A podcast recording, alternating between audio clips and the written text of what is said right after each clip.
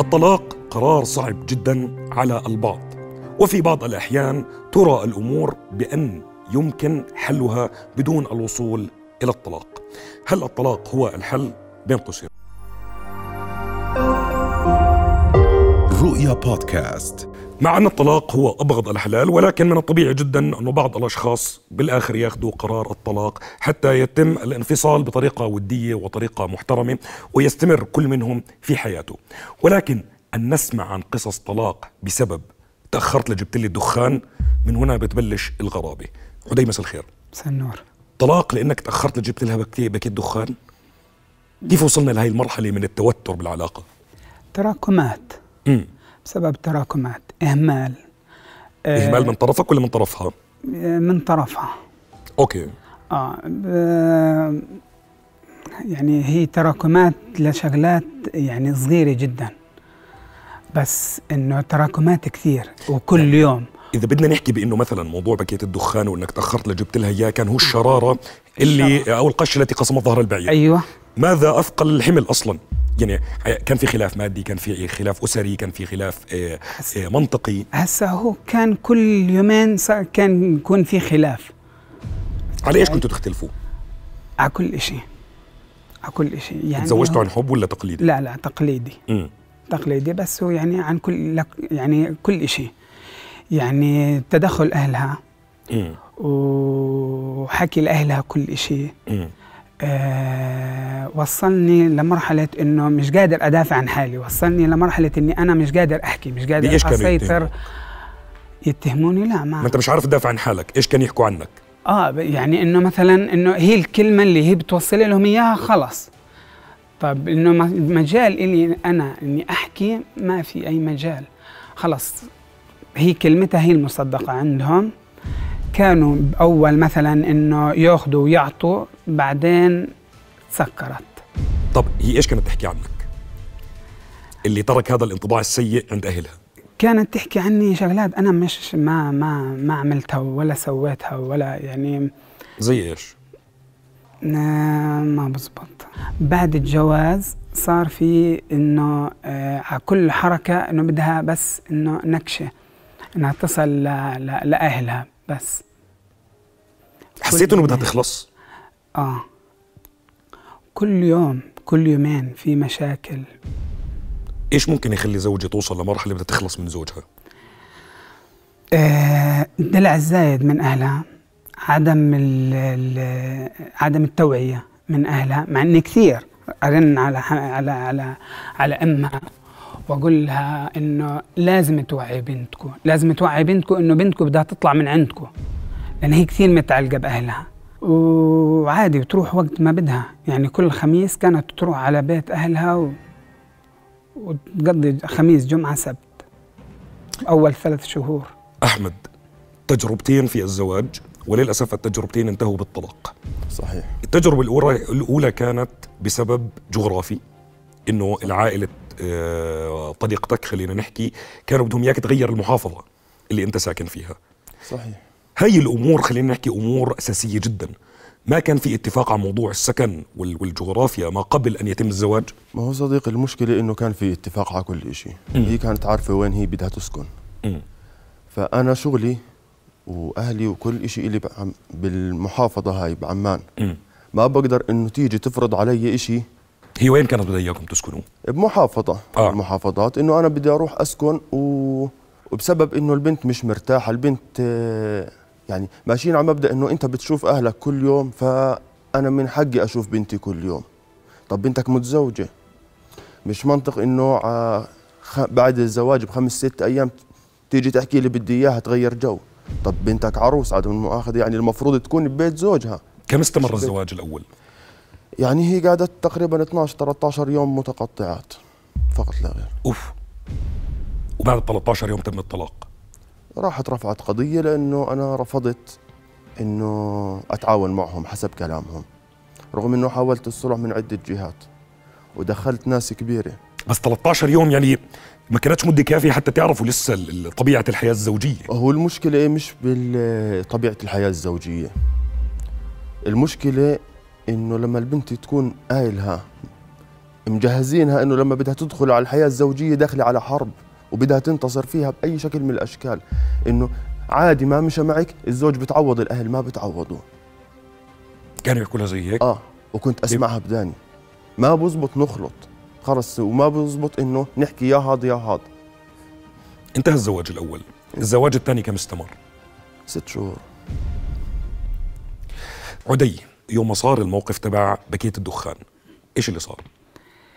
هسه هو من قبلها بيوم كانت عند دار أهلها. و- وروحت عندي.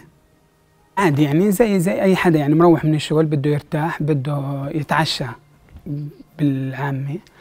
ما لقيت ولا إشي. فبسألها بقول لها يعني إنه ليش وهيك؟ ف بتقول لي إنه تعبانة ومريضة أنا ما أخذتش بالحكي. فتت ونمت. هسا صحيت الساعة 3 4 الفجر طلعت عليها لقيتها فعليا مريضة وكثير. فقلت لها طب ليش ما حكتي لي إنك مريضة يعني؟ ما حكتش ولا شيء قلت لها طيب ماشي. على أساس يعني إنه أنا حضنتها هيك إنه تعرق وخلص يعني إنه الحرارة اللي عندها تنزل. وغطيتها منيح.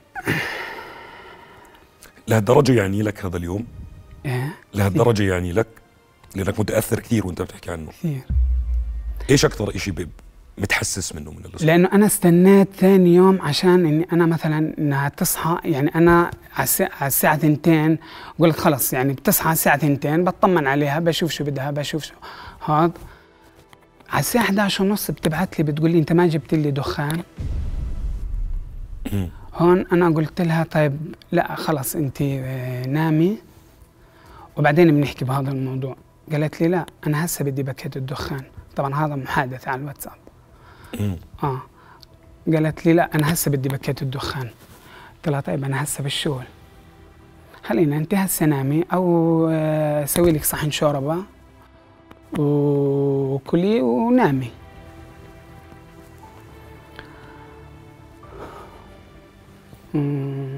ما وظلت مصرة على باكيت الدخان. كيف يعني ظلت مصرة؟ إنه هسه بدي صرت طيب. أقول لها لهون وخلص بكفي. يعني هون لازم يعرفوا كل الناس كل البشرية إنه خلص لهون وبس.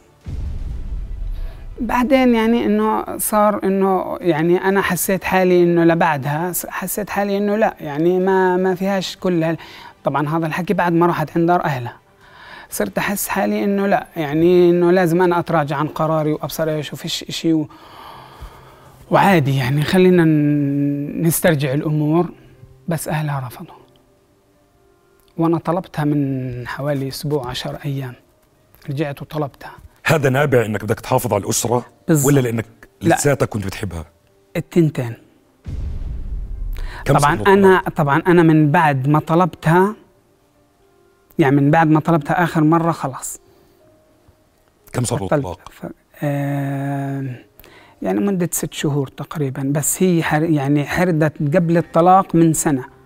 أمانة لسه عندك مشاعر؟ حاليا لا. إمتى اطمنت إنه بطل عندك مشاعر؟ بعد ما طلبتها آخر مرة.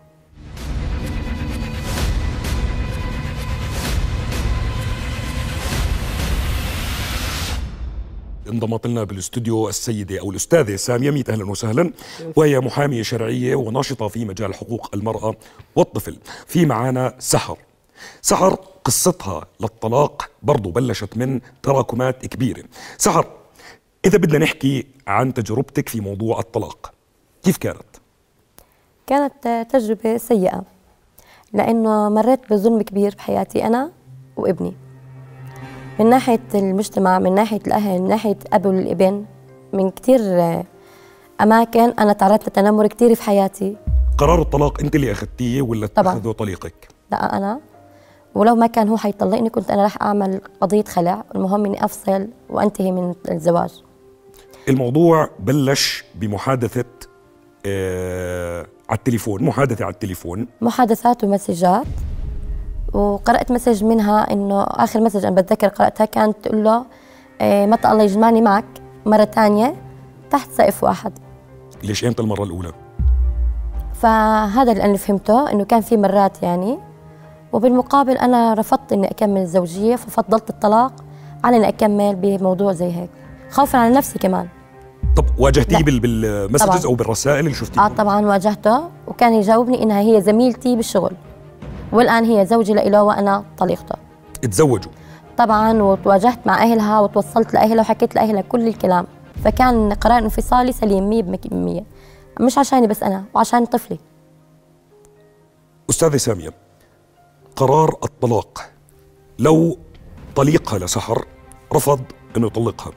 هل قانونيا هي بإمكانها بما أنه في دليل ملموس بأنه يتم خلعها من جوزها؟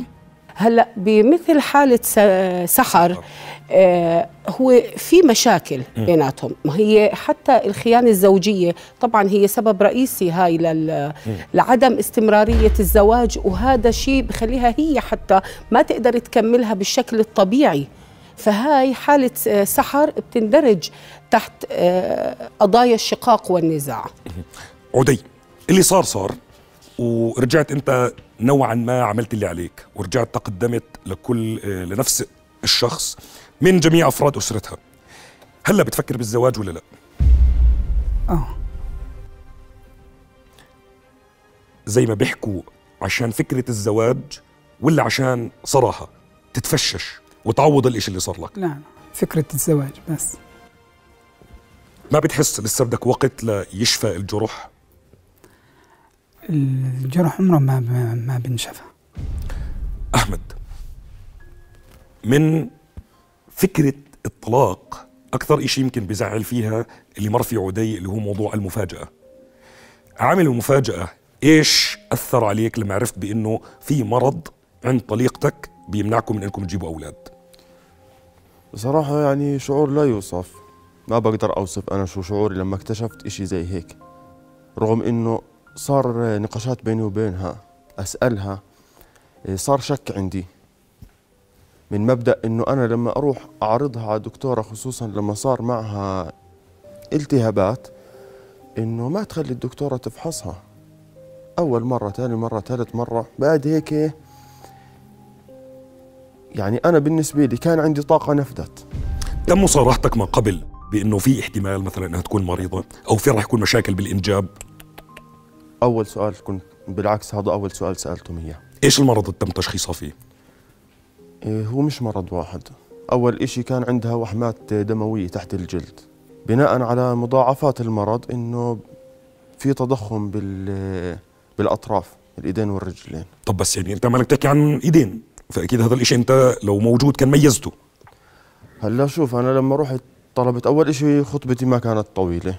يعني قعدت معها بفترة الخطبة مرة واحدة. لما رحت طلبتها أنا البنت آه، كانت لابسة جلباب كامل ومكتفة إيديها زي هيك. أنا بصراحة فكرت زيها زي أي بنت عبارة عن خجل.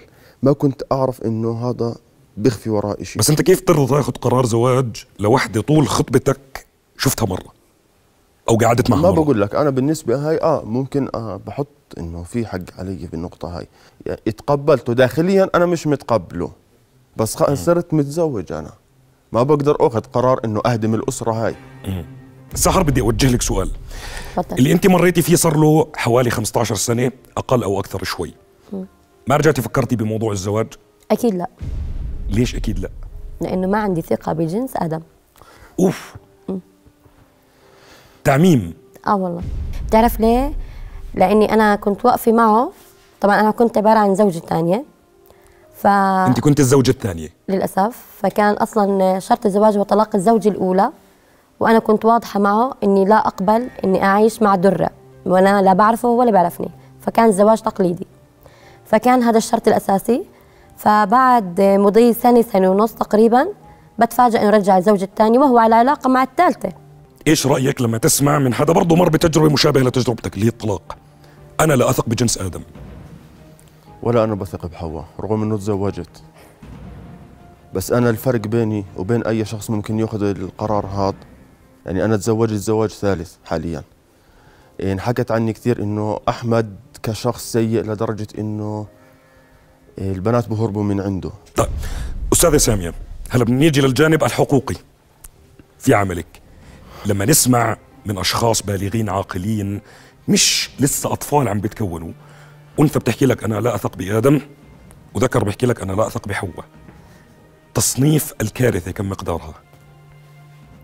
هلا هو اللي هم بمروا فيه آه، اجتماعيا شيء طبيعي. يعني إنه مثلا ينصدم ال- الزوج بإنه زوجته طبعا هاي الحالات الخاصة إنه زوجته خبت عنه شيء فهو مثلا هذا الشيء ما توقعه. أكيد هو بعد بده فترة ليطلع من هالشيء والحمد لله اللي عرفته إنك تزوجت بعدها. تزوجت. اللي زي سحر برضو آه، موضوع الخيانة مش مش شيء سهل. بس أنا بنحكي آه، أستاذي عن 15 سنة. 15 سنة يعني آه، مدة كافية بالإنسان يتصالح مع آلامه مع جروحه ويبدأ يتطلع كيف بدي أبدأ. اسس صحيح. حياة جديدة. صحيح. هي سحر بعد الظاهر 15 انه سنة يكون الجرح لساته معلم. صحيح. هي سحر الظاهر إنه مشكلتها كانت كتير مأثرة في نفسيتها لإنه في غيرها بيتعرضوا لاكثر من هيك بكتير ومع ذلك بتجاوزوها. يعني هي بتوقف شغلة شخصية. كمان بالنسبة لأحمد برضه من مش من المقبول إنه وحدة تخطب وتتزوج ما شافوها السيدات عندك بالعائلة. فكان لو شوية يعني متابعة كان رح ينعرف الموضوع. جميع ضيوفنا مكملين معنا آه، عدي انت بدك تغادر. بدنا منك آه، كلمة أخيرة. بدي أوجه كلمة رسالة لشخص أذاني كثير في حياتي. واستغلني. استغل احتياجي احتياجاتي. استغل الظرف اللي أنا كنت أمر فيه. بس الحمد لله الله موجود الله معي. وأنا قويت وواقف على جرعي. و... ومش مسامحه. كل التوفيق لك عدي الله يسلمك.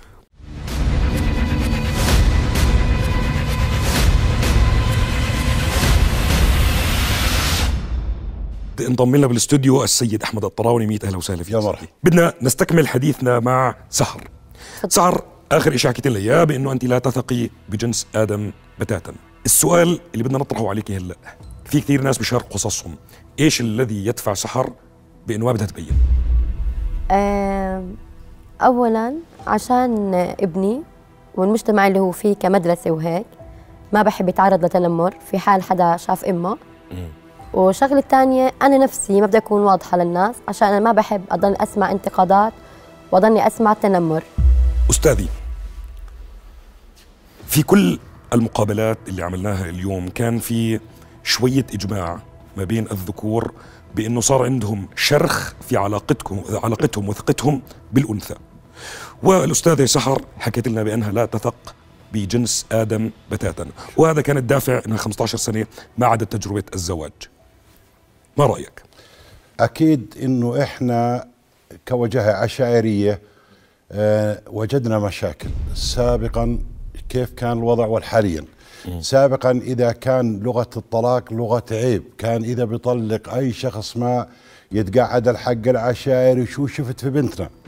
لكن الآن ما إحنا ملحقين بالمحاكم تعال اصلح وتجد المشكلة على شغ- أشياء تافهة جدا. زمننا الحالي أنت بحاجة لإدراك بحاجة إنها شوية تتغاضى عن آه، شبكات التواصل الاجتماعي اللي صارت دمار لها المجتمع إحنا الآن نتكلم عن واقع قديم وعن واقع حالي كيف كان ده بدنا ناخذ رأي الأستاذة سامية. تفضل. تعقيبك. لا هو من أحد أسباب الطلاق مش عدم نضوج الأنثى عدم نضوج الطرفين وهي حقيقة. لأنه هم ما بيك هم بيدخلوا الزواج الغالبية وخاصة السن ال- ال- الصغير اللي هو آه، أنا من الناس اللي بطالب رفع سن الزواج. هلأ السن الصغير بشكل عام بيدخل الزواج وهو ما بيعرف شو آه، مفهوم الزواج فعليا. أحمد كم عمرك؟ 28 28 أول مرة تزوجت. كم كان عمرك؟ 23 زوجاتك كم كانوا أعمارهم؟ إيه، الزوجة الأولى كانت صغيرة 17 إيه، الثانية كانت 24 24 25 زوجتك الحالية؟ 18 18 السيد أحمد والأستاذة سامية بيحكوا يا ريت لو نرفع سن الزواج لو أنت ل 26 27 مع ولا ضد؟